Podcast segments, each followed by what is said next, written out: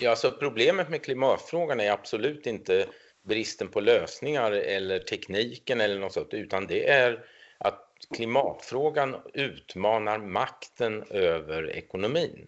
Och det gör den, oberoende om man diskuterar tillväxt eller inte, så utmanar den själva makten hela tiden. Det, det tråkiga tycker jag är att vi har lagt fokus på fel utmaning. Det är väl lite det som jag försökte lyfta i texten. Eh, vi har fokuserat på att försöka förena eh, tillväxt med hållbarhet och vi har tappat mycket tid och kraft och resurser där tycker jag med att lösa den andra utmaningen som mm. jag, jag, tycker att vi bör fokusera på, alltså att, att bygga om samhället i en annan riktning.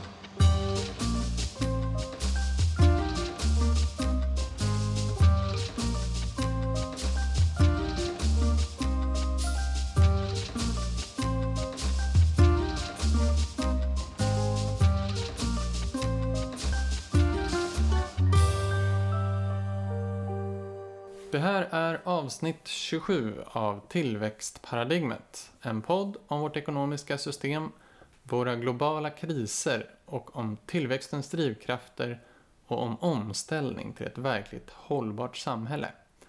Jag heter Hannes Anagrius och podden ges ut i samarbete med nätverket Steg 3. Det här avsnittet kommer handla om hur lätt det är att göra en grön omställning. Många av reformerna vi behöver göra hindras inte av att de är kostsamma, tekniskt komplicerade eller att de skulle göra stora ingrepp i folks frihet eller välmående. Utan reformerna hindras av att vi är fastlåsta i ett sätt att se på ekonomi. Så det kommer vi prata om idag med de två spännande gästerna eh, Johan Ehrenberg och Max Jonsson som jag strax ska presentera. Men först bara. Precis som de senaste gångerna så vill jag tipsa er om hemsidan tillväxtparadigmet.se. Där det kommit några nya intressanta blogginlägg och tips. Det här med nyhetsbrev har vi inte hunnit få igång riktigt än, men det kommer snart, så signa gärna upp dig på hemsidan. Jag har nu också på hemsidan sammanfattat klart fyra huvudsakliga argument mot tillväxtekonomin kan man säga. Men det kan också ses som svar på de fyra vanligaste argumenten folk brukar ta upp för varför vi måste ha ekonomisk tillväxt. Och de är att tillväxt behövs för att utrota fattigdomen, att tillväxt behövs för att finansiera välfärden, att tillväxt behövs för en grön omställning och grön tillväxt är möjligt samt tillväxt behövs för att undvika ekonomisk och finansiell kris. Och det här hittar ni under fliken argument. Gå gärna in och läs mina svar där jag ger några uppslag på hur de här problemen kan lösas lika bra eller bättre i en ekonomi utan tillväxt. Och jag har såklart inte alla svar där, så vill ni diskutera det här får ni gärna använda Facebookgruppen En hållbar ekonomi för välbefinnande. Och gillar du den här podden, hemsidan och vill att projektet ska växa och göra mer utåtriktade saker och nå fler människor, då får du gärna bidra genom Patreon.com där du söker upp tillväxtparadigmet. Du kommer också dit via en länk längst ner på tillväxtparadigmet.se. Så då kan jag fortsätta lägga ner tid och arbete på det här.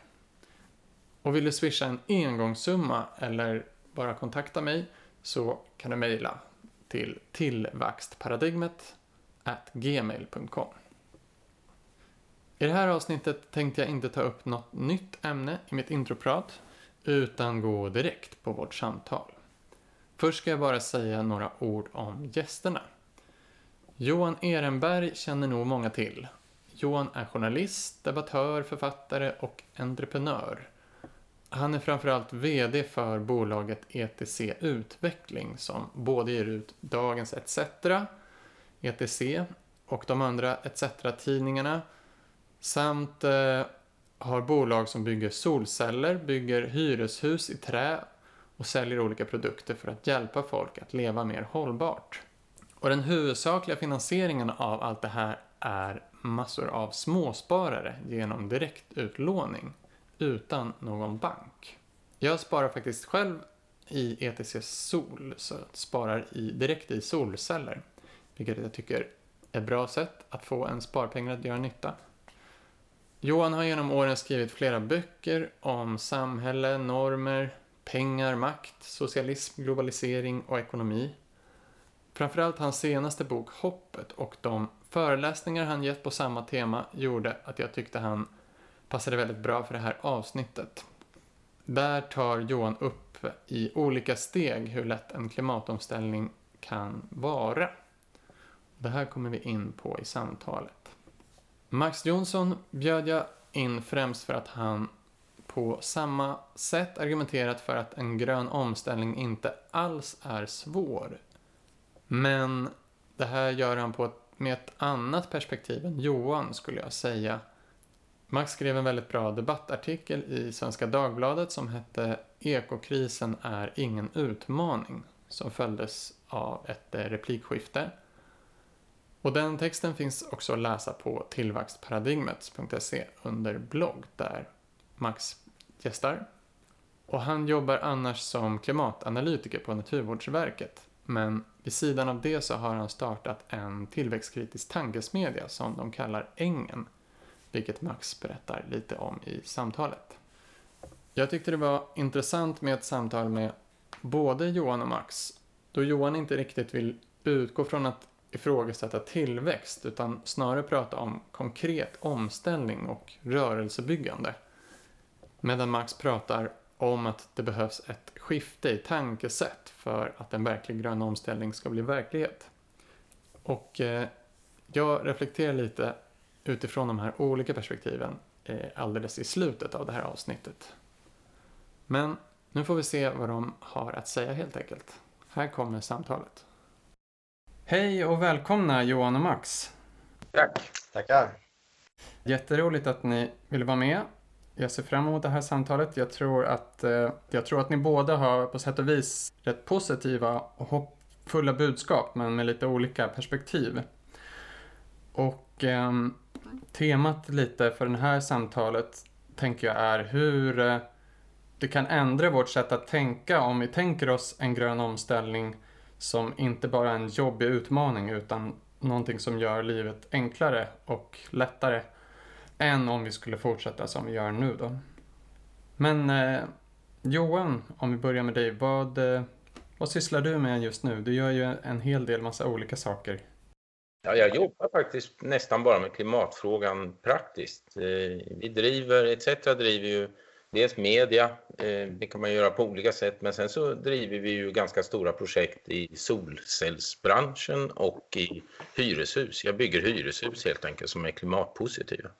Mm. Så det där, jag hinner inte med mycket mer. Så det tar mm. min tid. Jag fattar.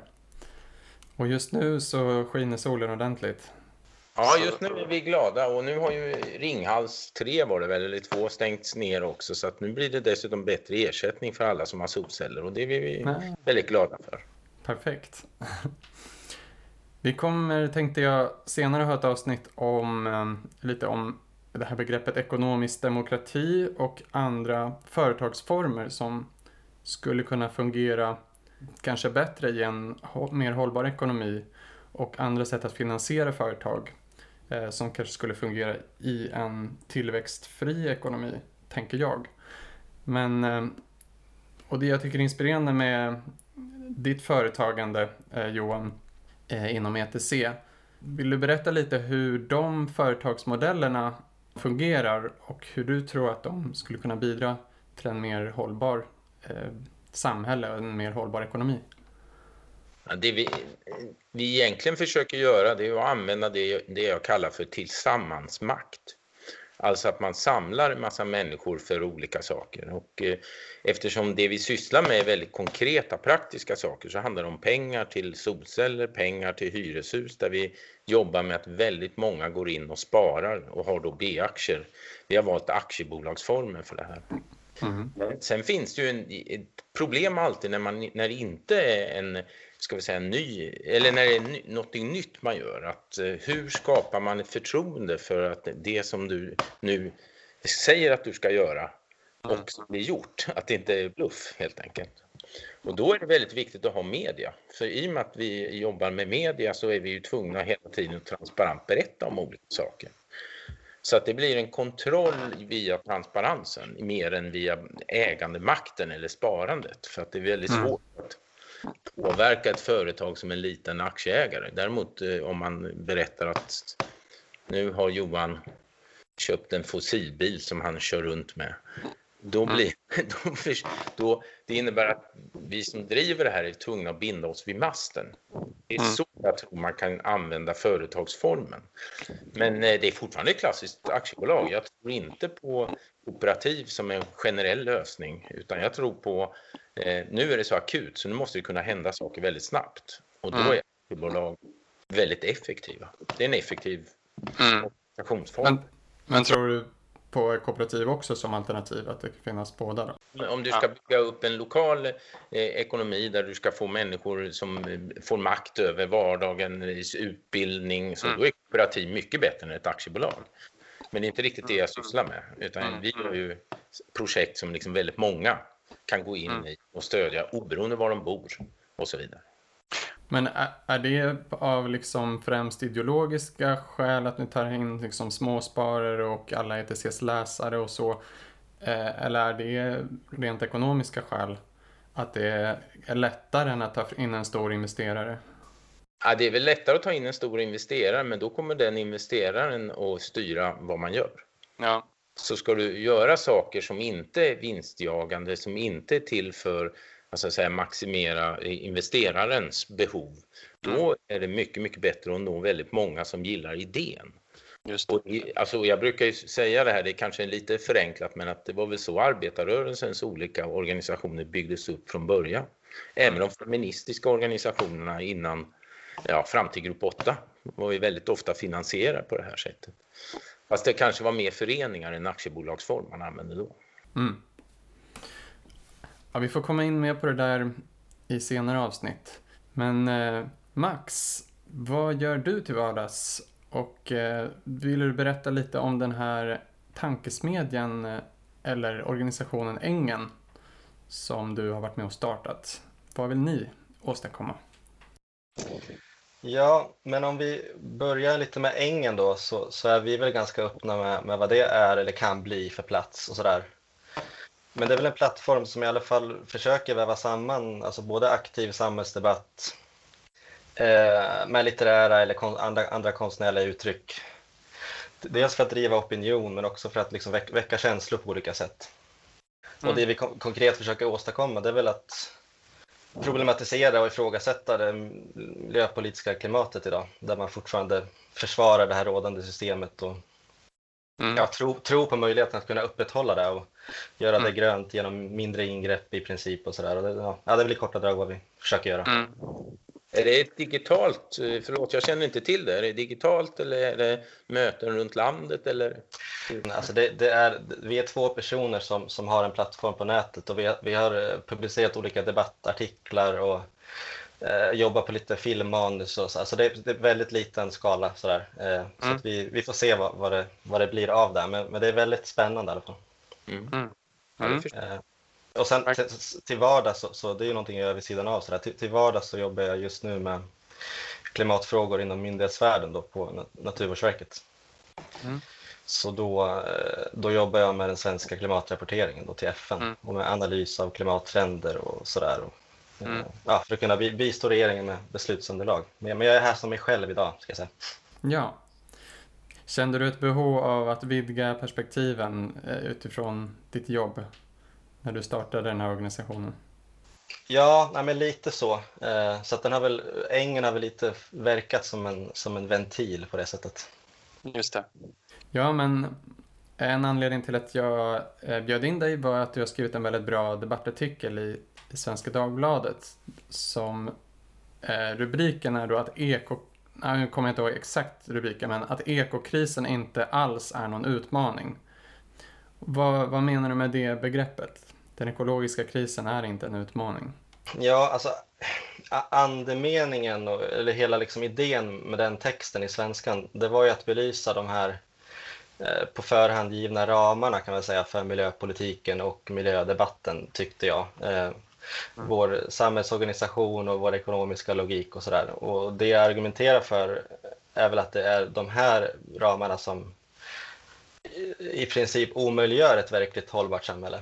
Mm. Eh, och att det är det som, alltså, i det som, som utmaningen mer självvalt har skapats. Att, att det är en omöjlig uppgift som vi själva har givit oss. Mm. mm. Så, så, så, min bild eh, är väl att det här med att vi har en sån enorm utmaning framför oss, att det är en retorik som man kanske har vaggat in många av oss i, länge nu och att det handlar om att eh, sättet som vi lever och konsumerar på både är omöjligt och kanske, kanske icke önskvärt att ändra på. Mm. Och med, med, en sån utgångspunkt där de ekologiska begränsningarna är underordnade vår envishet att fortsätta som vi gör, då, då skriver jag under på att miljömålen är en eh, gigantisk utmaning, eller mm. möjligen hopp, hopplös utmaning. Mm. Ja, precis. Eh, när man varje år rapporterar in miljömålen och de liksom misslyckas varje gång så kan man ju få en, ett intryck av att äh, det här verkar ju helt omöjligt. Liksom. Vi försöker, vi försöker år efter år. Ja, och jag, jag, kan ju tycka personligen att det är lite provocerande också att om man nu pratar om miljökrisen eller ekokrisen beroende på ordval som, som mänsklighetens största utmaning, då, då förstår jag inte varför man inte går med på att ändra på någonting egentligen. Eh, mm. Vi ska bara byta ut eh, massbilismen med liksom masselbilism och köttätandet mot eh, labbkött kanske i bästa fall eller kor som har avlats till att rapa mindre eller mm. och Thailandsresorna varje jul ska, fort, ja, det ska vara fortsatt lagligt och tills den dagen som man kan förhoppningsvis flyga med el och sådär. Ja, jag, jag, tycker liksom att då mm. har man inte ifrågasatt eller reflekterat någonting egentligen i grunden om vad hållbarhet eller klimaträttvisa är, tycker jag. Mm. Det var någon eh, psykologistudie eh, här eh, för inte så länge sedan som visade att människor i allmänhet tenderar att lösa problem genom att lägga till snarare än att ta bort, även när det är enklare att ta bort. Så det var något experiment med klossar, att man Eh, det var lättare att få stabilitet i de här tornen genom att ta bort klossar men man tenderar att lägga till hela tiden. Och eh, jag vet att du har varit inne lite på det också. Ehm, jag ser också de, ehm, alltså att vårt tillväxtparadigm och vårt ekonomiska system lite är som en tvångströja som hindrar oss från att göra många åtgärder som, som skulle vara effektiva. Um, men som vi liksom tänker bort. Eh, om man skulle kunna tänka sig till exempel eh, förbjuda planerat åldrande eller förbjuda reklam och så lite mer radikala idéer men som är otänkbara liksom i ett konsumtionssamhälle. Hur tänker du att det skulle göra att vi får mer skaparkraft och liksom kan tänka friare kring åtgärder mot eh, klimatkrisen, den ekologiska krisen om vi inte hade det här tillväxtkravet eller de här ekonomiska ramarna? Ja, jag, jag, tycker att det är väl en utmärkt analogi det här med tvångströjan. Alltså, min känsla är väl att den här tröjan på ett sätt eller för vissa grupper eller politiska krafter så där, är ett mål i sig och att, att, att något, det är något som vi försvarar till varje pris. Men att den kanske i lika stor utsträckning är osynlig och det tycker jag också är viktigt att lyfta. Alltså någon slags alltså kejsarens nya tröja då kanske, som är mer illusoriskt sådär normativ och som gör att många kanske inte reflekterar kring att den finns. Mm. Men, att den är, men att den ändå då tyvärr eh, säkerställer att det blir väldigt svårt att uppnå eh, miljömålen. Mm. Så jag, jag, jag, tänker att skulle vi vara politiskt fria från att behöva upprätthålla den här nivån av konsumtionen och produktionen och som dessutom helst ska öka också då, då, då, då tänker jag att vår skaparkraft skulle kunna frigöras och åstadkomma vilket utopiskt samhälle som helst nästan.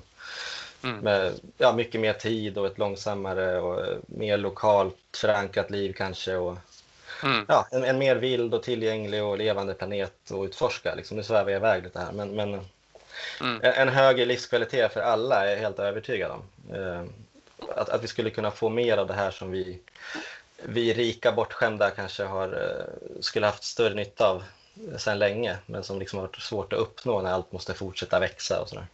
Mm. Ehm, ja, men jag tycker att det, det tråkiga tycker jag är att vi har lagt fokus på fel utmaning. Det är väl lite det som jag försökte lyfta i texten.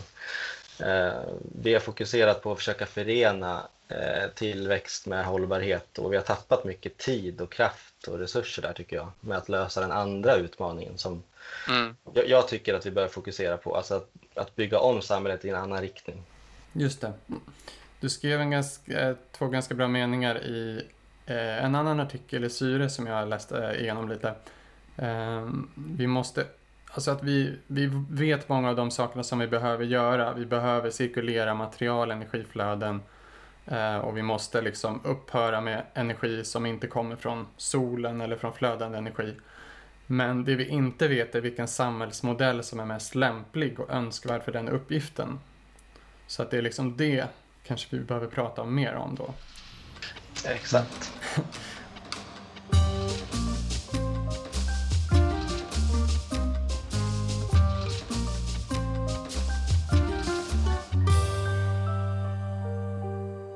Om vi går över till, till Johan då. Du har kanske på ett annat sätt eh, också argumenterat för att, att det är lätt och billigt att rädda klimatet. Vilket om du, du pratar om i, i din bok Hoppet, Bara du kan rädda världen. Jag har faktiskt inte läst boken men jag har sett din presentation både live och eh, du har, det finns en film om den på Youtube också. Som är liksom tio lösningar för att rädda världen. Ungefär. Um, vill du berätta lite om de här lösningarna och varför du menar att det är liksom enkelt och till och med billigt att rädda klimatet? Ja, alltså problemet med klimatfrågan är absolut inte bristen på lösningar eller tekniken eller något sånt, utan det är att klimatfrågan utmanar makten över ekonomin. Och det gör den, oberoende om man diskuterar tillväxt eller inte, så utmanar den själva makten hela tiden. Mm. Eh, om det absolut, vi vet att klimatfrågan består av tre grundläggande saker. Det första är energifrågan, alltså fossil energi måste bort här och nu, omgående. Sluta. Eh, det andra är eh, att jordbruket måste bli klimatneutralt och det är ju ganska lätt för ett jordbruk att bli klimatneutralt om man slutar med konstgödsel och slutar med industriproduktionen som man håller på med. Och det sista är att vi måste rädda skogen. Och då måste vi få bort eh, de kortvariga skogsprodukterna och ha långvariga produkter istället och vi måste jobba på ett annat sätt. Kanske betala de som äger skog för att de inte ska ta ner den. Eh, mm. Betala för biologisk mångfald och så vidare. Mm. Det, jag sen, det jag sen jobbar med är att visa hur lätt varje av de här punkterna går att lösa. Och framför allt så diskuterar jag ju, var finns pengarna? Eh, det, det konstiga i vår diskussion klimatet är att vi går med på en väldigt elitistisk borgerlighetssyn på ekonomi. Eh, där ekonomi är detsamma som börsspekulation, ekonomi är detsamma som eh, bankernas roll och så vidare. Inget av det eh, är någonting som går att förändra. Och det beror ju på att det är där makten är samlad. Men om man istället diskuterar den offentliga sektorn har idag 1400 miljarder kronor i finansiell förmögenhet, alltså pengar i olika fonder i olika delar utav offentlig sektor. Det skulle räcka till att göra allt det där vi säger att vi borde ha gjort för tio år sedan om vi pratar om faktiska eh, mm. produktionsförändringar. Är våra liksom AP-fonder inräknade i det där? Alltså AP-fonderna, ja. AP-fonderna, Riksbanken, Riksgälden, mm. kommunerna, eh, staten själv, statliga företag, andra offentliga företag. Det är en enorm resurs eh, som inte används utan alla de pengarna skickas till börsen. Eh, om man tänker sig att man den offentliga sektorn går ju faktiskt att styra politiskt. Du kan inte tvinga Wallenberg att bli klimatneutral. Det, det, det, går, då måste du byta system och vi har tio år på oss att, och halvera utsläppen. Så vi måste sätta igång de processerna här och nu. De här nödvändiga investeringarna och produktionsförändringarna. Och då tycker jag att det är väldigt farligt om klimatrörelsen blir en rörelse som säger att dels att det kommer gå åt helvete, för då, då kommer det gå åt helvete. Det gör det automatiskt när man ger upp.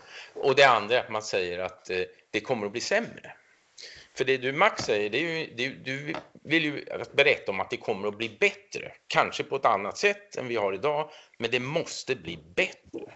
Och så länge vi kan säga att barnen får det bättre, resandet blir bättre, kanske inte till Thailand utan däremot så kan du resa rent och gratis i, i Sverige. Eh, så, så länge vi kan prata och visa de positiva förändringarna, då har vi en chans.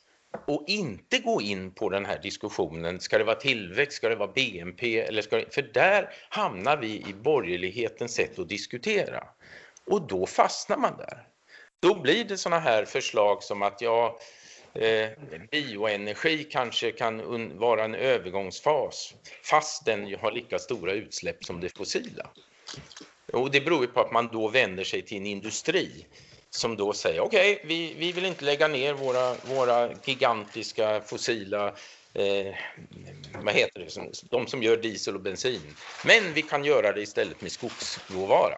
Mm. Ja, då, om, man, om man låter dem styra klimatpolitiken, vilket man gör som politiker om det inte finns en väldig massa andra människor som kräver något annat, då kommer vi inte framåt. Och, och, alla de förslagen som är, de är väldigt positiva. Du ska få betalt om du cyklar, tycker jag till exempel. Och, och sådana saker. Cyklar till jobbet så ska du ha... Mm. Eh, alla de förslagen handlar om att människors makt ska användas. Tillräckligt många ska mobiliseras för att ställa krav på politiken så att politiken kan använda de här, inte bara de här 1400 miljarderna utan olika saker, eh, mm. makt man har. Det handlar inte om att ha en ny konferens och övertyga Wallenberg och de andra om att hållbarhet vore bättre. Mm. vet de redan. De kan allt om det här. Det enda de inte vill det är att förlora sin makt och det, de kommer att förlora sin makt om man gör hållbarhet på riktigt. Så ser du det lite mer som att det är det stora hindret från att det här inte händer redan nu? Vad du säger, det skulle ge oss bättre liv. Eh, är det då de nuvarande stora bolagens makt snarare än ett liksom tankeparadigm kring ja. att vi måste ha eh, ökade inkomster, ökad konsumtion Ja. Nej, jag tror inte alls på det där paradigmet. Jag tror inte att samhällen styrs på det sättet. Den, den makt som finns, den formar alltid en ideologi som den säger det här är självklarheter, det är nödvändiga. Så här, det här måste samhället fungera. Och ett av de saker som de säger är att börsen måste stiga. Börsen kommer att stiga om vinsterna stiger. Om vinsterna mm. stiger så måste vi ha ökad produktion och så vidare. Och så vidare. Mm. Men det deras sätt att försvara sin egen makt. Just Om, man, om man istället diskuterar på det andra sättet och pratar om att så här bra kan vi få det, det här kan vi göra. Strunta fullständigt i om börsen går upp eller ner av det.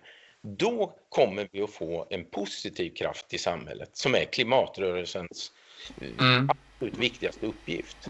Men kan man i dagens system strunta i hur det går med börsen och strunta i hur det går med ekonomin? Jag tänker... Um... Det kan man. Det, gör, det finns ju massor som gör det. Ja. Det finns massor av delar av ekonomin som inte är vinstjagande. Men ta en kommun till exempel. Folk brukar fråga så här, men vem ska äga företagen i framtiden? Ja, vem äger en kommun? Mm. En kommun gör ju jättemycket saker som är nytta, tjänster, produkter mm. och vidare och så vidare. Eh, kanske för lite eftersom man har privatiserat en massa. Men eh, mm det är klart det finns en ekonomi som inte bygger på börsens mm. logik. Nej, jag tänkte bara en, en, kort kommentar där kring, kring det du inledde med om att vara positiv eller negativ som också är en diskussion som, som är liksom ständigt pågående. Eh, jag tycker att det var väldigt bra formulerat där du sa. Jag tycker också att, jag tycker att man blandar ihop det där, alltså de här två spåren. Att man, man kan ju å ena sidan vara väldigt noga med att vara eh, väldigt uppriktig med hur allvarligt läget är.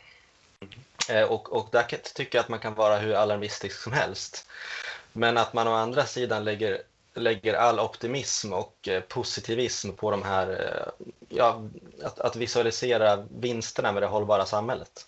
Mm. Och, och där kan man nog få mycket draghjälp från kulturen också och sådär som, som, som ligger lite efter kan jag tycka på det, på det spåret. Men det var, det var bara en, en kort mm. kommentar.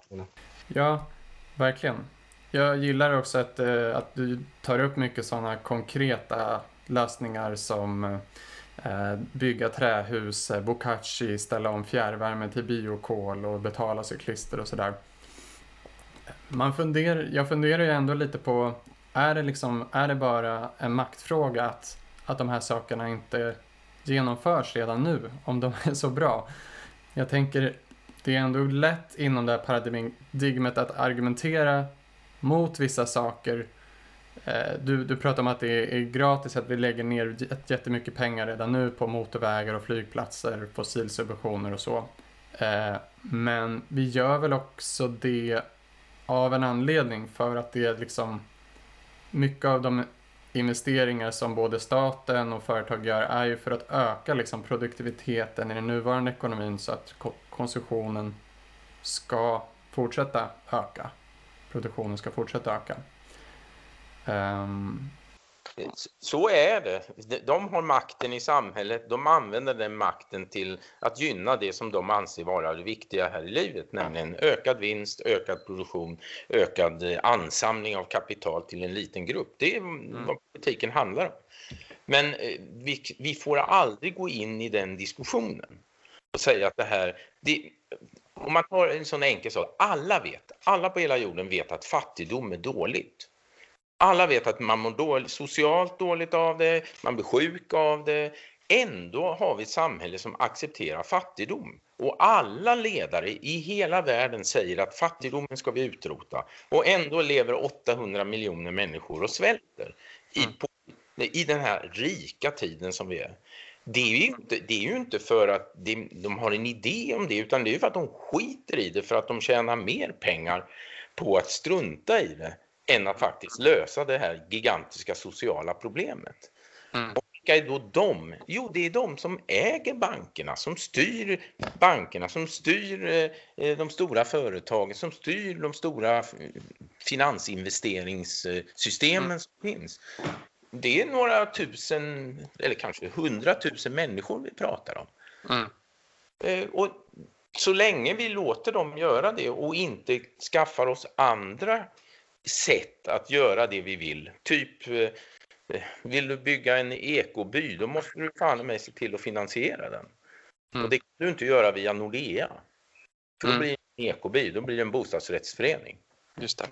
Eh, bara för att vara väldigt konkret. Eh, så Men, eh, jag, inte, jag tycker inte att vi... Eh, makten har redan visat att den kan fortsätta hur långt in i kaklet som helst med en felaktig metod. Därför de kan inte bryta sin självdestruktivitet. Det har kapitalismen aldrig klarat. Det är därför den alltid går in i sina stora kriser med öppna ögon och sen säger ja, ja, mm. Eh, nu försvann eh, si så mycket, nu börjar vi om på nytt.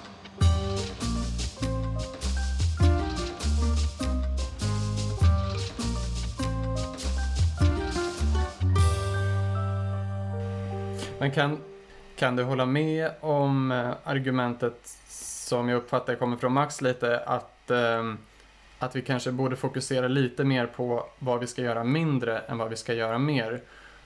Jag tänker om man tar till exempel solceller och förnybar energi som du pratar väldigt mycket om eh, och eh, lokalproducerad energi.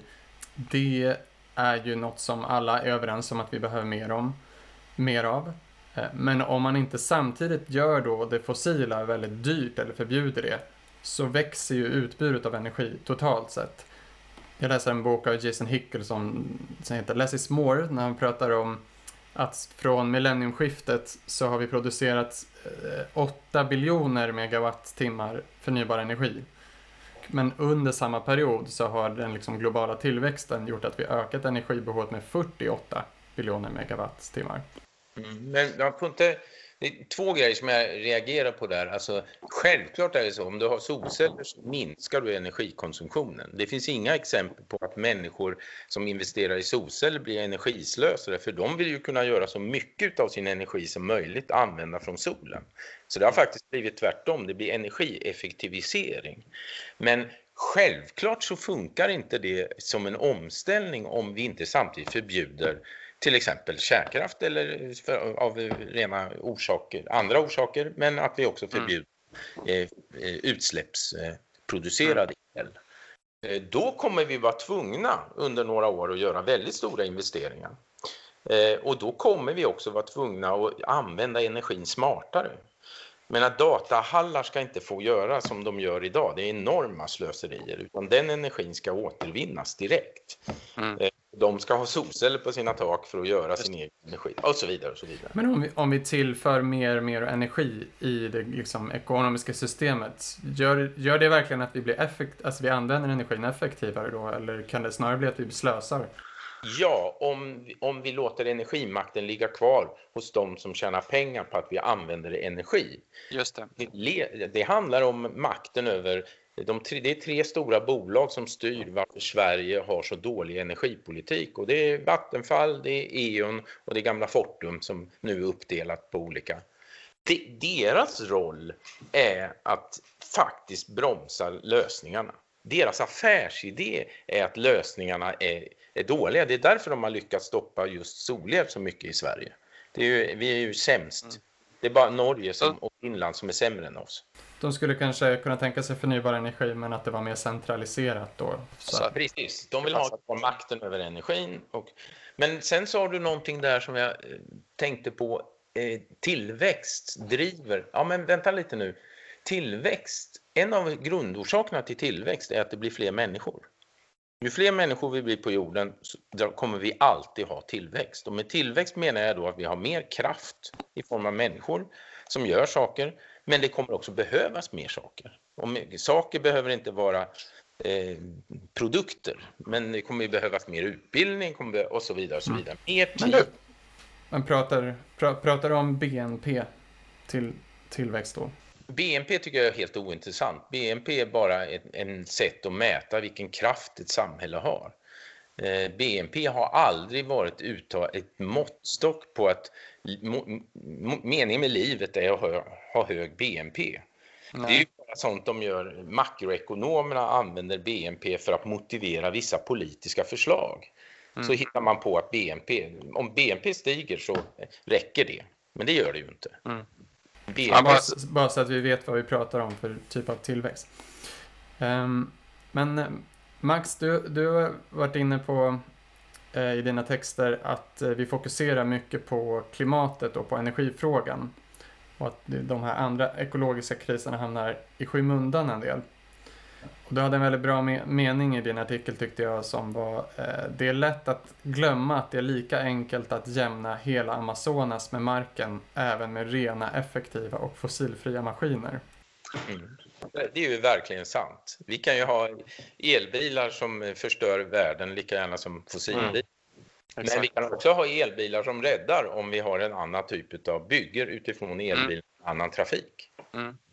Jag håller med dig Johan i grunden. Jag tror att det bara handlar om att jag har en annan utgångspunkt eh, för diskussionen. Det, det jag försökte fånga med den här formuleringen, eh, det är väl att jag tycker att eh, klimat och energifrågan har liksom blivit kritisk för vår förståelse för, för hela miljökrisen. Alltså hur, just för att klimatfrågan i alla fall delvis är en teknikorienterad uppgift. Alltså hur vi konkret måste byta ut fossil energi mot energi från solen på olika sätt. Och då är ju tekniken central.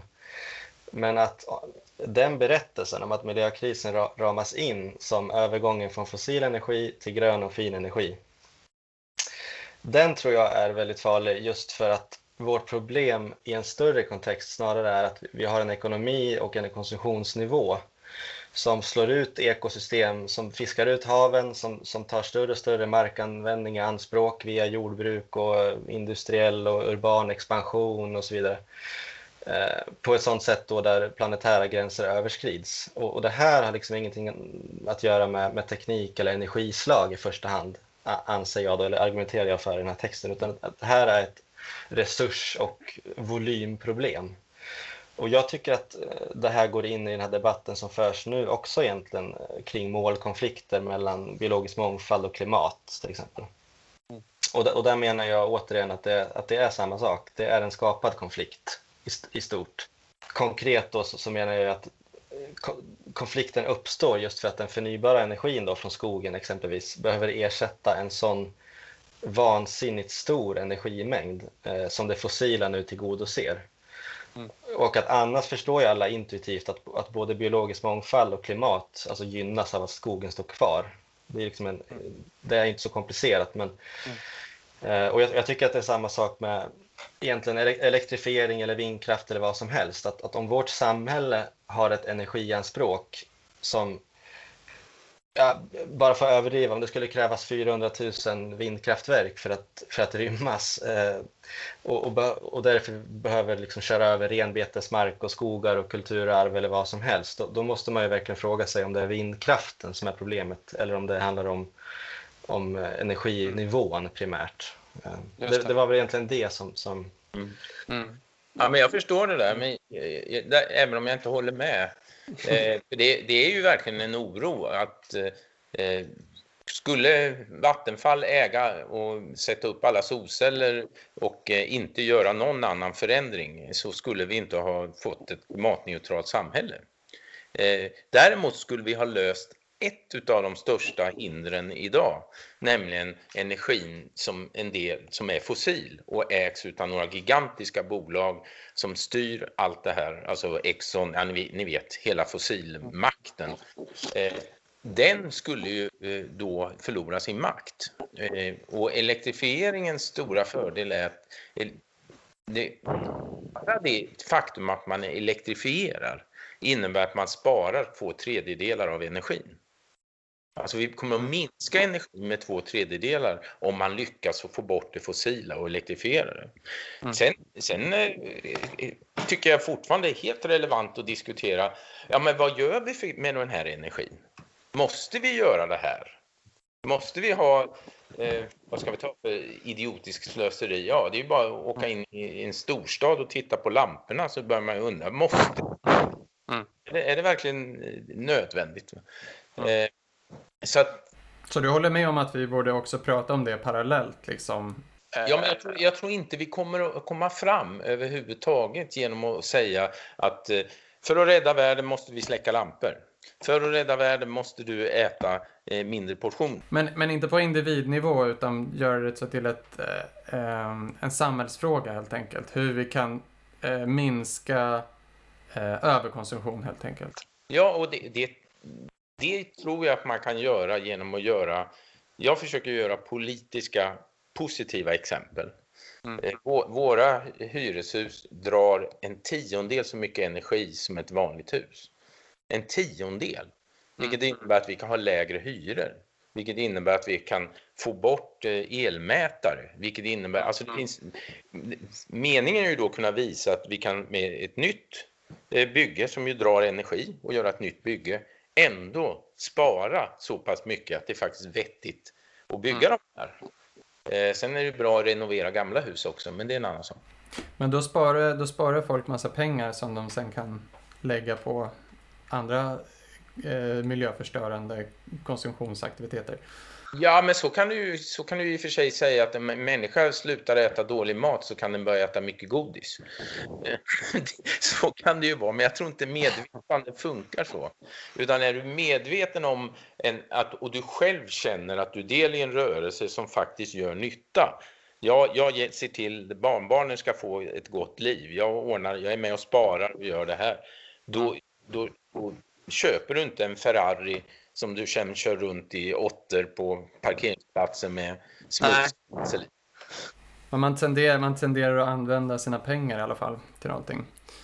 Ja, men det, det, det, tycker jag är bra att man gör. Man ska använda pengarna. Eh, det värsta som finns är pengar som inte används. För det innebär att man ger makten till kapitalet. För det är då de tar pengarna.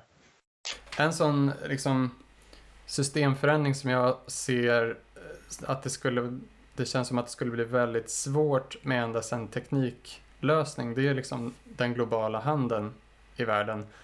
Jag har väldigt svårt att se att man skulle kunna elektrifiera alla dagens globala transporter i det här liksom lilla tidsutrymmet som klimatkrisen ger oss. Och det skulle dessutom kräva enormt mycket naturresurser att bygga eh, både järnvägar, elvägar, infrastruktur, nya fartyg, eh, elbilar och så vidare. Um, Men, och, det, det, håller, det, håller, jag inte med om. Nej. alltså det, det, är inte ett jättestort eh, investering och energiförändring att göra sjöfarten ren. Det, det är att den kommer att tvingas gå långsammare. Den kommer att jobba med sol och vind som grundelement, då går den långsammare. Mm. Eh, att elektrifiera sidenvägen från Kina till eh, Europa eh, är mycket, mycket billigare och mycket enklare än något annat sätt att ställa om systemet. Sen kan man ju, det man ska diskutera... Det tar ju minst tio år i alla fall att göra alla de där sakerna. Ja, fast vi har tio år på oss att halvera utsläppen om nu det här stämmer, det som forskarna har räknat ut. Det kanske är för optimistiskt. Så på de tio åren hinner vi definitivt göra väldigt mycket av det och då börjar man omställningen i, i det, det, blir liksom självspelande piano så att vi också kan ta itu med de andra sakerna. Men om vi inte börjar med de här grejerna för att vi tror att det går inte utan vi hoppas på en kraftig minskning på något sätt. Då kommer, vi inte, då kommer det att ta alldeles för lång tid. Men jag tror jag tror inte någon menar det egentligen att vi inte ska göra de här investeringarna i elektrifiering och så vidare. Kanske några väldigt radikala civilisationskritiker. Men, ja, jag känner men, som säger så också. ja, men jag tror ibland att man kanske tolkar eh, till, vissa tillväxtkritiker på det sättet. Men det jag menar i alla fall, eh, Max får tala för sig själv sen, men eh, är att vi behöver göra de här stora investeringarna. Men just eftersom det kommer ta tid och det kommer kräva mycket, ett stor, en stor del av koldioxidbudgeten och, att, och naturresurser. Men också att det viktigaste är ju utsläppen, att vi får ner dem nu och inte om fem år. Liksom att minska utsläppen tidigt. Det är ju framförallt det som kan rädda oss från de här kritiska tröskelpunkterna. Och därför måste man parallellt med att bygga ut allt det här också minska konsumtion, global handel eh, som den är nu och ta bort det överflödiga, tänker jag. Ja, men det, det, går väl att göra, alltså, jag ser inte motsättningar här, för att om vi akut vill minska den globala handeln, då inför man naturligtvis politiska enorma skatter för att frakta saker väldigt långt och smutsigt. Eh, det kan ju en stater göra, men då krävs det ju en politisk rörelse som tvingar politiken till det här. Det kommer ju inte mm. ske eh, Kristdemokrater och Centerpartiet kommer inte att lägga någon motion om det. Liksom.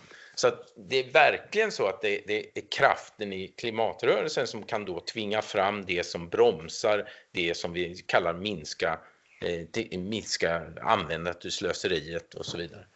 Eh, sen minska tillväxten, ja herregud, det är väl fantastiskt om vi kan jobba färre timmar och istället ha mer tid att ta hand om varandra. Alltså sex timmars arbetsdag, en kamp för ett bättre liv. Men det är också en kamp för att inte titta på ekonomin som man tittar på ekonomin idag. Det mm. självändamålet är att ha sparat ihop till fyra bostadsrätter eller mm. lånat till fyra bostadsrätter under sitt liv. Ehm, så jag, tycker inte, jag ser inte den där motsättningen. Ehm, mm. Och jag är rädd för en diskussion som innebär att de flesta människor kommer att uppfatta att man säger att du ska få det sämre. Mm. Hur tror du Max att man skulle kunna eh, formulera sig så att man inte uppfattas som någon som förespråkar försämringar och snarare kanske pekar på andra typer av värden än materiella? Nej, men alltså jag, jag måste bara få kommentera det här först. Och jag håller ju med om att alltså jag, jag är ju inte på något sätt absolut inte emot elektrifiering eller nyttjande av biodrivmedel. Det är liksom helt avgörande för, för, att, för att nå målen. Men, men, jag, men jag är nog mer inne på den linjen också. att eh, Det handlar om att dels eh, få de här eh, hållbara biodrivmedlen att räcka till och att vi befinner oss i ett läge där det är väldigt brådskande som gör att jag tror att en, en absolut minskning av våra aktiviteter är svår att eh, undvika. Eh, för det första. Men det gör Vi minskar ju flyget till exempel. Det är ju väldigt, jag har visat sig gå väldigt snabbt och enkelt. Precis. Eh, och flyget är ju en sån där symbolfråga för väldigt många människor. Mm. Frihetsfråga. Eh, om vi kan minska den, vad kan vi inte minska med andra saker då också? Mm. Men jag tror att man pratar ju om, alltså, särskilt då kanske i ekonomiska liksom, styrmedelssammanhang eller så, men man pratar ju om att eh, ja, transportbehov, transportarbetet eh, via flyg och bil och sådär, det ger nytta, eh, men att det är utsläppen som är det dåliga. Eh, och då är det där man ska rikta skatter och sådär för att få bort det dåliga och behålla nyttan och så. Och det, och det, är det, som, det stämmer ju i viss mån för, för eh, den mer renodlade klimatfrågan. Men jag tror att det, det är det här som jag jag försöker få fram att eh, om det här resonemanget överförs till miljökrisen i stort, mm. för avverkning av tropisk skog eller vad det kan vara, att, att det är bra med virke och odlingsmark men att vi ska bara undvika det dåliga. Och det är att skogen försvinner då. Mm. Det, det, där, där fallerar ju tekniken för att, för att ordna att skogen ändå står kvar trots att den, mm. den avverkas. Och, och det, det, tycker jag är eh, någonting som, som ändå fattas eh, debatten idag. Och, där tycker jag att vi måste, vara väldigt, vi måste vara uppriktiga och vi måste kommunicera att det finns en sån här åtskillnad. Sen tycker jag, din frågan där eh, Hannes, ehm, det, det, har jag inte riktigt något bra svar på kanske, men, jag tycker absolut att man ska eh, hålla isär de här, ehm, de här spåren och sen å andra sidan fokusera på all, alla mervärden som ett mera lågtempo, nedskruvat samhälle kan, eh, kan ge. Jag har några sådana här konkreta saker när jag tänker på det där. Eh, jag tror inte alls vi är oense om det här, att det är nödvändigt att skruva ner. Eh, jag blir ju jättepåhoppad av skogsindustrin eftersom jag är emot biobränslen och eftersom jag anser att utsläppen från skogen som sker när man bränner i fjärrvärmen är ett jätteproblem för Sverige. Vi kommer att råka riktigt illa ut i klimatsammanhang. För vi ökar utsläppen eh, genom att bränna skogen. Men då säger de, deras svar som kritik, som ju då är en forskarbaserad kritik utav en teknik de har, det är att ska vi inte använda skogen alls då? Är det det du menar? Istället för att diskutera hur kan man använda skogen? Och i, när vi bygger hus då använder vi bara trä från kontinuitetsskogsbruk, alltså utan kalhygge, vilket minskar utsläppen med 25 procent rakt av. Bara hur man tar ner de träd som då ska bygga det här trädhuset, trähuset. Mm. Eh, så det är väl ett bra exempel på att man Eh, de vill ju gärna få bort den här diskussionen till att handla om att det blir inga jobb, det ska, vi ska bo på 1800-talet, det ska inte användas någon skog och så vidare. Och så vidare. Mm. Det får man inte låta dem göra. Det andra exemplet tycker jag är att... Vi Men har de inte någon, någon poäng i det de säger om man utgår från liksom att vi måste ha ett Eh, konkurrenskraftigt eh, liksom, eh, skogsindustri som har möjlighet att kunna göra vinst för nyinvesteringar och ska liksom kunna konkurrera med andra länders skogsbruk. Nej, de, de har inga goda argument. Det där är lögn. Det är så, tyvärr, det är lögn. Det stämmer inte. Österrike kan ha ett bättre skogsbruk än Sverige. Österrike är inget konstigt land, det är ett kapitalistiskt land som, som Sverige. Eh, varför väljer de kalhyggen då? Vad sa du? Varför väljer man kalhyggen? Ja, det har ju skogsindustrin anpassat hela sin produktion efter kalhyggen och bryr sig inte om utsläppen. Eh, de räknar bara hur snabbt kan vi få fram de här monokulturerna för att kunna avverka och så räknar de antal träd. De bryr sig inte ett dugg om biologisk mångfald och så vidare. Och så vidare. Eh, det andra exemplet jag har, det är en av de jobbigaste frågorna är att vi blir fler människor, det blir mera avfall. Eh, och då pratar jag om skit helt enkelt. Det är skit från kossor men det är också skit från människor. Och det här avfallet, det kan inte vi i samhället hantera utan vi renar det lite grann, sen häller vi ut det på åkrarna och sen blir det jättestora utsläpp och så blir det förstörd matjord så småningom. Och så lägger vi på konstgödsel. Här finns... Men, vänta, var det, var det dåligt med biologisk gödsel, menade du? Ja, det beror på hur gödslet är gjort och vad det innehåller. Om du tar mänskligt avfall så innehåller det väldigt mycket av de sakerna som inte ska åka ut i havet, bland annat läkemedelsrester som finns kvar i hela det här eh, problem. Men det finns lösningar. Det finns lösningar i form av fermentering, det finns lösningar i form av eh, minska, man behöver inte ha vattenavlopp och så vidare på alla ställen. Det finns, det finns andra sätt att hantera det här och torka och så vidare. Eh, det är ju inte någon industri som tjänar miljarder på, att vi, på avfallet. Alltså skitindustrin är inte jättestor. Det är inte som oljeindustrin. Utan det är ju faktiskt oftast kommunala och eh, statliga eh, initiativ som driver det här reningen som kommer mm. från avfall. Ändå är den nästan helt omöjlig att få tänka på ett annat sätt och prova någonting annat.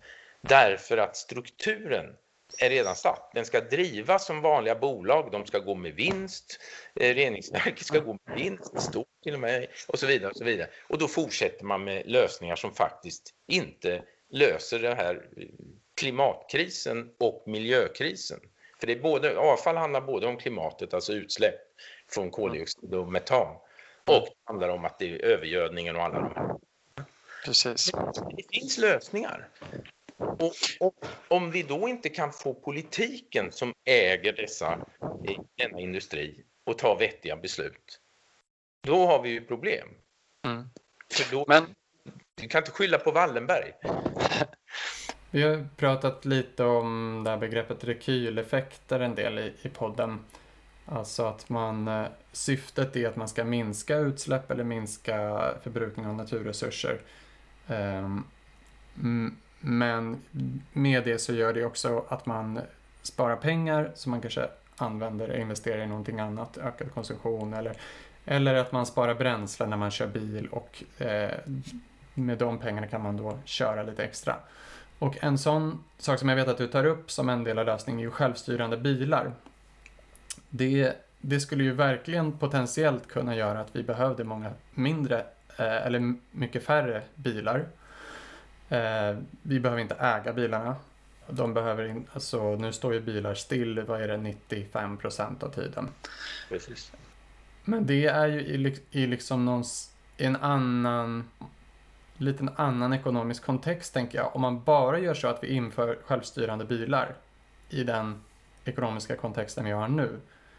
Alltså då finns det ju väldigt lättillgängliga bilar som man bara kan beställa hem. Du kanske äger en bil också. Du sparar massa pengar på det som du kan och det kommer liksom göra att vi kör jätte, vi åker jättemycket bil.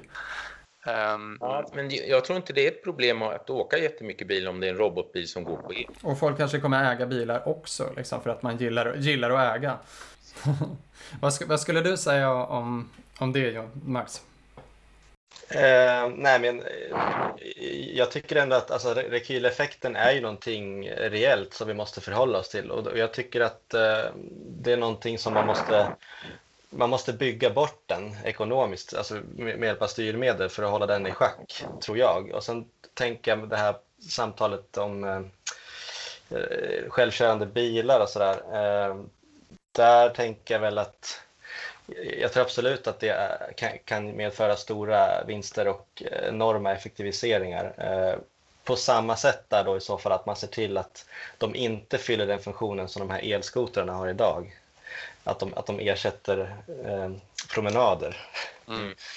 Precis. Eh, Men så, men så är det väl, det tycker jag, just, det är ett jättebra exempel du tar där för att eh, elskotrar är en fantastisk eh, uppfinning eh, och sen har vi låtit ett antal företag ockupera trottoarerna med sina i, en, i en vinstjakt och deras hela idé är att tjäna jävligt mycket pengar.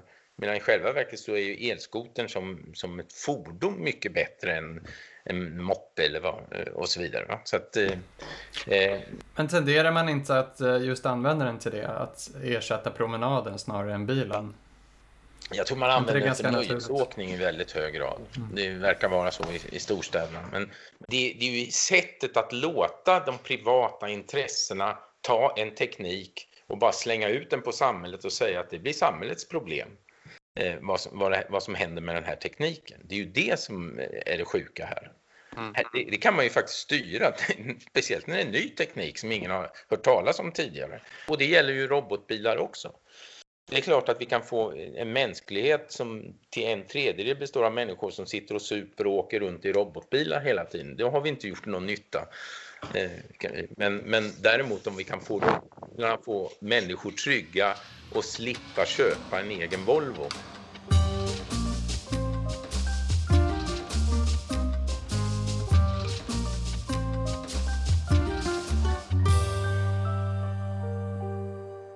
Men eh, i dina tio lösningar där, då pratar du väldigt mycket om eh, få bukt med miljöförstöring och klimatutsläpp inom Sverige, liksom i vår produktion, våra transporter. Men hur tänker du om vår konsumtion och vår miljöpåverkan i andra delar av världen? Jag vet att du nämner liksom någon typ av skatteväxling där. Men om man bara verkligen, som Max är inne på här, skulle räkna in all den här miljöförstörelsen som all vår konsumtion eh, som är konsekvensen av all vår konsumtion på andra platser i världen, skulle inte vi faktiskt då alla produkter bli väldigt mycket dyrare? Jo, det skulle det bli. Om vi hade fackliga rättigheter i alla länder, om vi hade en gemensam välfärdssystem på jorden, då skulle vi vara tvungna att betala helt andra pengar för de här skitsakerna som vi egentligen inte, som bara ingår i konsumtions... Alltså konsumtion är ju en nöjesgrej, det måste man ju komma ihåg. Att det, vi köper ju otroligt mycket saker som vi inte behöver. Mm. Eh, men det kan vi inte göra om de... Inte för alla, men... Eller vi har en, en del som är väldigt... En del konsumtion som vi verkligen behöver, såklart. Jo, jo, det, vi måste ha mat och vi måste ha kläder och vi måste ha värme, vi måste ha och så vidare. Och så vidare. Och vi behöver utbildning och konsumera tjänster och sånt. Men eh, det är, oberoende om du är fattig eller rik så köper du proportionerligt väldigt mycket saker du inte behöver. Och det är ju någonting i det här samhället som gör oss så ledsna så att vi blir glada när vi köper en ny hylla mm. av plast som kan sitta i, i badrummet. Liksom, så mm. Eh, det är ju beteendeförändringar som handlar om medvetenhet. Men då måste man utgå ifrån att det finns att analysen är inte att det är ont, det är onda, utan det är, analysen är att det är dumt, det är onödigt, det blir mycket roligare att göra så här istället. Men men räcker det med en informationskampanj? Nej, nej, nej, utan det är, det hänger, men det är inte så. Det, allting hänger ju samman. Information leder förhoppningsvis till ett annat agerande. Det agerandet leder till en medvetenhet. Medvetenheten leder till nästa steg. Eh, jag är, tror inte att människor är, är, är fångna i de ekonomiska systemen, utan jag är övertygad om att bara man får hjälp med, av andra människor att börja forma om vardagen, då blir man medveten. Mm. Vi, vi gör en tidning som heter Kloka Hem som bara handlar om ekobyggande men också om ekoprodukter. Alltså eh, hylla av trä istället för av plast och så vidare. Och så vidare. Eh, den, har, den har en enormt hög läs, eh, alltså medvetenhet hos läsekretsen. Mm. På grund av att de, de har läst den och följt den. De vet jättemycket om effalater och, vet, och alla sådana här problem. Eh, därför att det är en del i att man vill leva ett eh, lyckligt, rent, ekologiskt liv. Absolut. Um, samtidigt är ju kanske det en, eh, en minoritet eh, fortfarande ändå som har en sån stark... Det blir fler och fler såklart som vill leva mer hållbart. Men eh, jag tänker mig ändå att det kanske mest vanligaste är att man försöker klara vardagen Eh, man tänker på sina närmaste och eh, sitt, eh, att man har ett jobb och så vidare. Men vill, vill du tillägga något där Max om... Det där är en farlig, det där är en farlig tanke tror jag. Eh, vi tror att det är så, men det där går faktiskt att undersöka. Jag blev väldigt chockad när jag upptäckte att eh, de som sparar i våra solceller är människor med låga inkomster. Mm. Det är inte människor som har 500 000 på banken som de tar en liten snuttbit av. Utan det är faktiskt människor som månadssparar 200 kronor i månaden. Mm. Ja, men jag är en av de spararna. Solcellsspararna. Okay. Uh, eh, nej, men uh, absolut. Det, det, kan ju, det behöver inte vara så att man har uh, väldigt mycket pengar för att man ska vara eh, medveten eller vilja leva mer hållbart. Men vad, vad tänker du Max om eh, den här problematiken med konsumtion och naturresurser? Nej, jag tycker väl att eh, det, det, seglar upp mer och mer eh, miljödebatten kring, kring konsumtion och då svensk konsumtion. Eh, men det är ju absolut, det behöver få mycket mer fokus tycker jag. Eh, man, man, kan ju ha mycket olika uppfattningar om det där, men jag tycker väl att eh, eh den, den miljöförstöring och den utsläpp som sker till följd av svensk konsumtion är väl det mest rena sättet att mäta vilka konsekvenser vårt liv får. Eh, sen är det ju, finns det ju problem med, med att mäta det här såklart. Det är väldigt komplext och eh, de siffror som finns idag inkluderar exempelvis inte markanvändning och såna här saker. Så eh, det är liksom inget komplett mått på något sätt. Men, eh, Eh, jag tycker väl att det är eh, någonting som man pratar mer och mer om i alla fall. Mm. Jag tycker att det stora problemet är att vi, vi, kan diskutera och vi kan ändra produktionen väldigt snabbt. Det, produktionen går att styra med, polit, med politik och med andra investeringar och så vidare. Eh, produktionen eh, är motorn menar jag för förstörelsen, inte konsumtionen.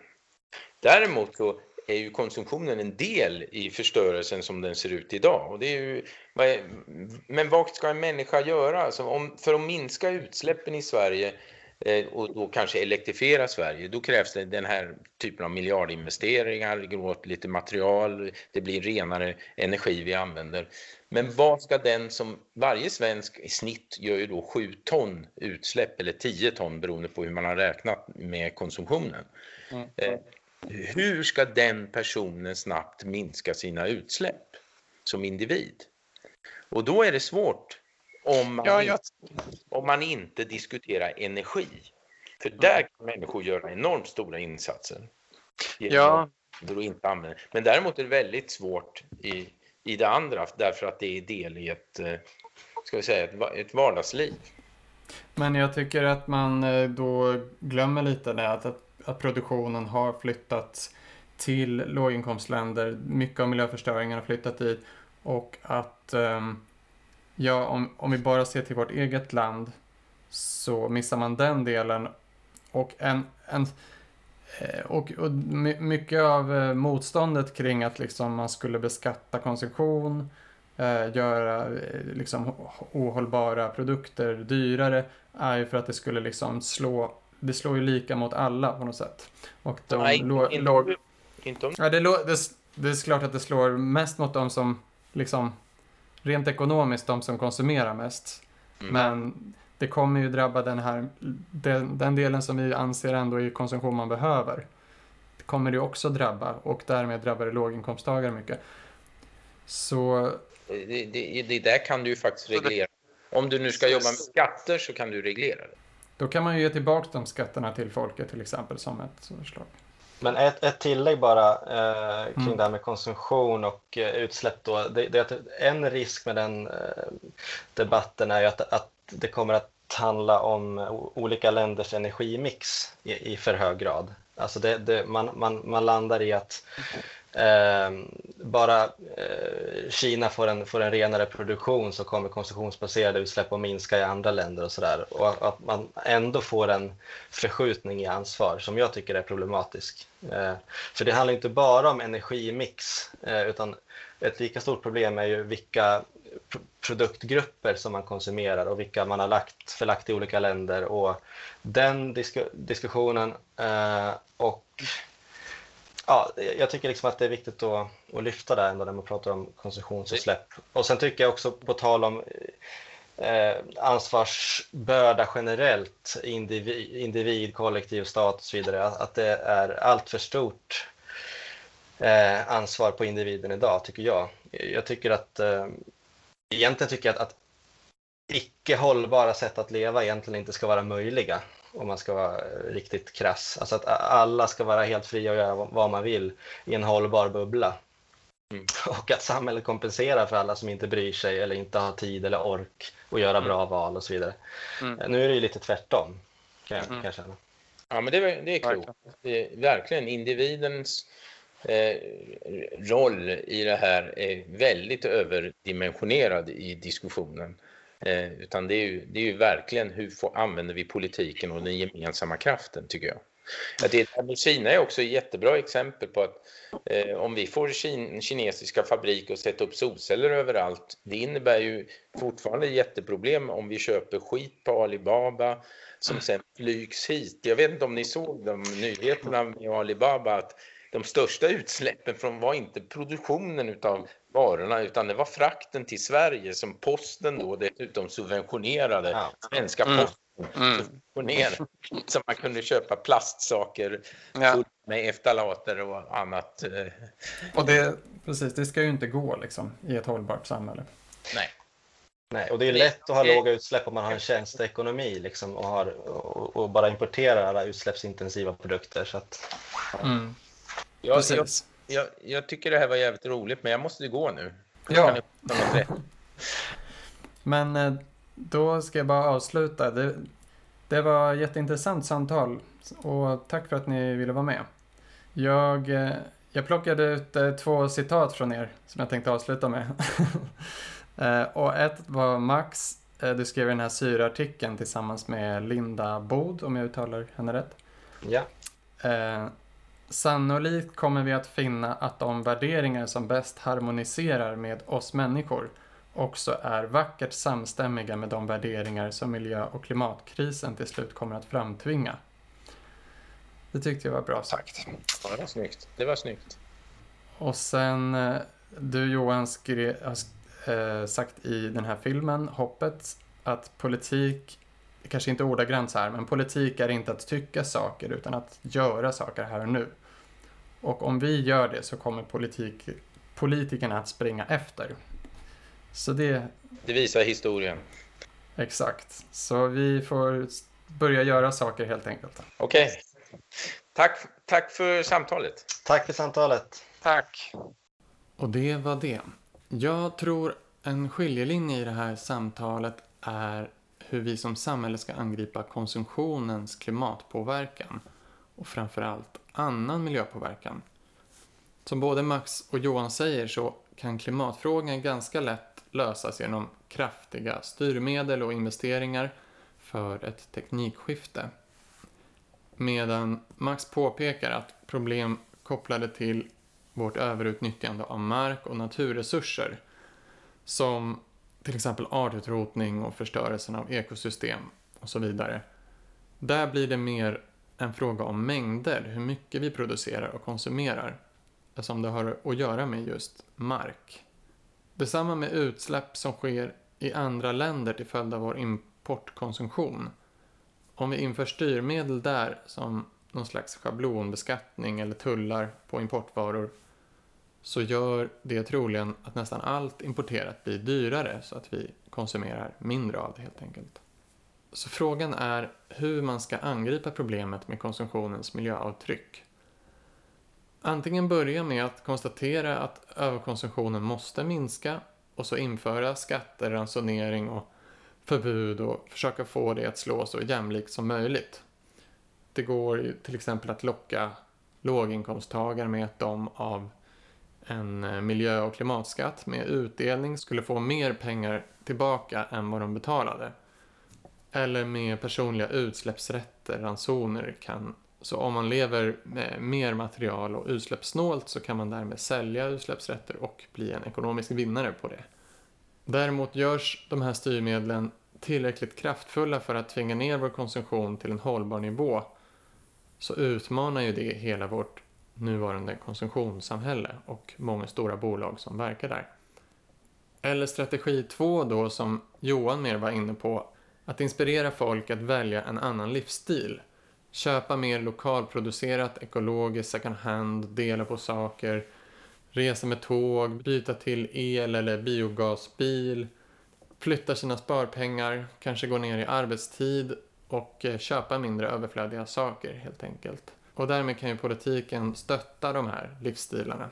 Och kanske inte är Johan eh, emot ekonomiska styrmedel av importkonsumtion heller. Jag uppfattade inte riktigt vad han tyckte där, men det är inte där han lägger sitt fokus i alla fall, utan mer på vad vi kan göra inom Sverige. Jag vill ändå tro att det går att skapa en politisk rörelse för att göra båda de här sakerna samtidigt. Både stötta och inspirera till en hållbar livsstil och med priser helt styra om konsumtionen. Jag tror vi behöver befria oss från rädslan av dyrare importprodukter. Det är just de billiga importprodukterna som bidrar till en osund konkurrens, lönedumpning, stora köpcentrum, gallerior, internethandel från Kina som slår ut lokala marknader, små företag och gör det så lätt att köpa nya grejer. Så alla de här fina initiativen med klädbibliotek, återbruk, returpunkter och verktygsbodar, lokala valutor, delande ekonomin helt enkelt, den dör ofta ut för att det är så lätt att köpa nytt. Skulle vi med skatter, tullar eller förbud och ransoner göra de flesta importvarorna dyrare, då skulle en verklig lokal cirkulär delande ekonomi kunna växa fram där vi skulle få mer blomstrande småföretag, fler lokala jobb, mycket bättre tillgång till det vi behöver från varandra eller från schyssta producenter. och dessutom slippa äga alla de här sakerna och prylarna. Och det är klart att det här utmanar tillväxtekonomin och själva kärnan i dagens ekonomiska makt. De multinationella bolagen. Möjligen kan några av de här stora bolagen eh, anpassa sig och skapa mer cirkulära flöden men troligen ligger det här liksom utanför deras affärsmodeller och vissa kanske inte ens kan generera ökad vinst hela tiden. Men då får vi helt enkelt lov att göra den här rörelsen ännu starkare och få med oss fler. Okej, vi får se vad nästa avsnitt kommer handla om. Jag har lite olika spår där jag skulle vilja gå in mer i det finansiella, börsen och hur det skulle kunna förändras. Men också pensionssystemet och tillväxtberoendet där. Men också företagsformer, ekonomisk demokrati som vi har varit inne på. Även psykologi, hur vårt psyke hanterar våra ekologiska kriser. Vi får se vad det blir härnäst helt enkelt. Håll dig uppdaterad genom att prenumerera på podden, följ den på Instagram och Facebook och som sagt hemsidan tillväxtparadigmet.se. Och stöd gärna podden på Patreon. Vi hörs!